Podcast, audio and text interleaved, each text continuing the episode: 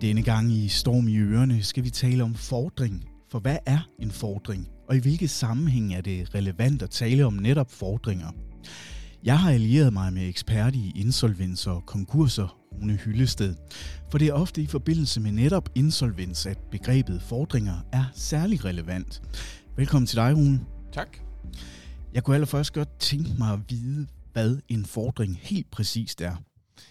Jamen, selve ordet en fordring, det har jo den betydning, at man har et krav mod en anden, og det kan jo være både et selskab og en, og en pension for så vidt.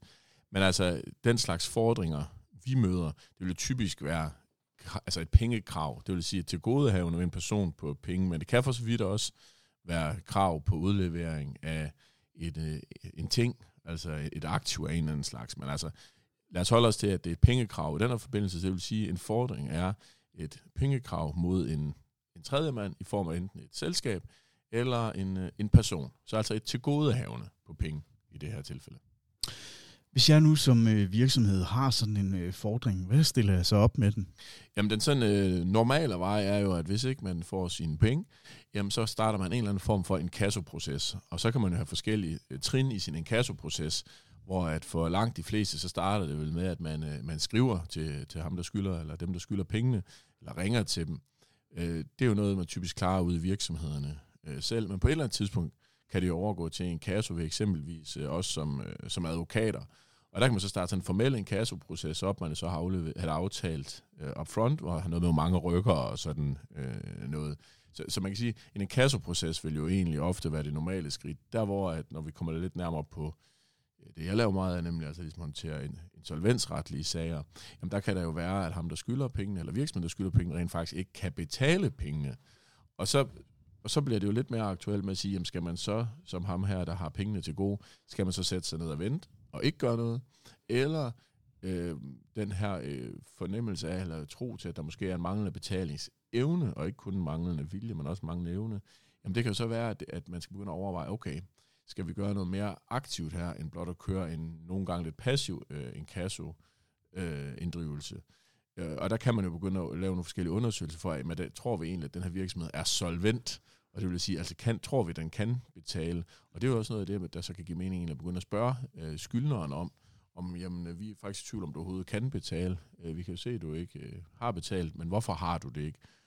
Um, så derfor kan det godt give mening, at hvis man, øh, hvis man har den her øh, fornemmelse af, eller tro på, at der ikke man er nogen betalingsevne, at man går lidt mere grundigt til værks og får det undersøgt.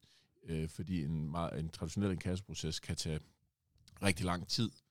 Øh, så det kan, det kan godt give mening at prøve at lave en undersøgelse af, hvorfor er det egentlig, de ikke betaler. Og det kan også være virksomheden selv, altså skyldneren selv, øh, forklarer, hvorfor de ikke gør det, for det kan være, at de siger, at de ikke kan.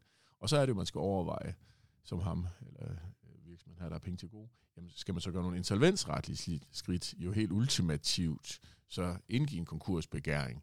Øh, og det kan jo nogle gange være, at det ikke giver mening, for det kan være, at man kaster gode penge efter dårlige. Men det kan også være, at det giver mening. Øh, og det er sådan noget, som vi så skal tage en, altså en konkret afvejning af. Så jeg vil sige, at hvis man står i den her situation, hvor at man har et tilgodehavn, altså en fordring, øh, og man er i tvivl om, øh, om den manglende betaling, som skyldes manglende betalingsevne, jamen så tager giver os et kald og lad os drøfte, om, om der er mulighed for at køre andet end en mere traditionel inkassoproces.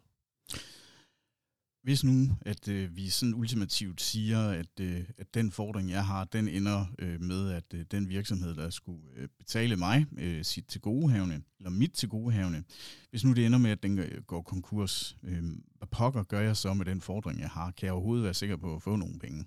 Der er det kort svar, øh, nej.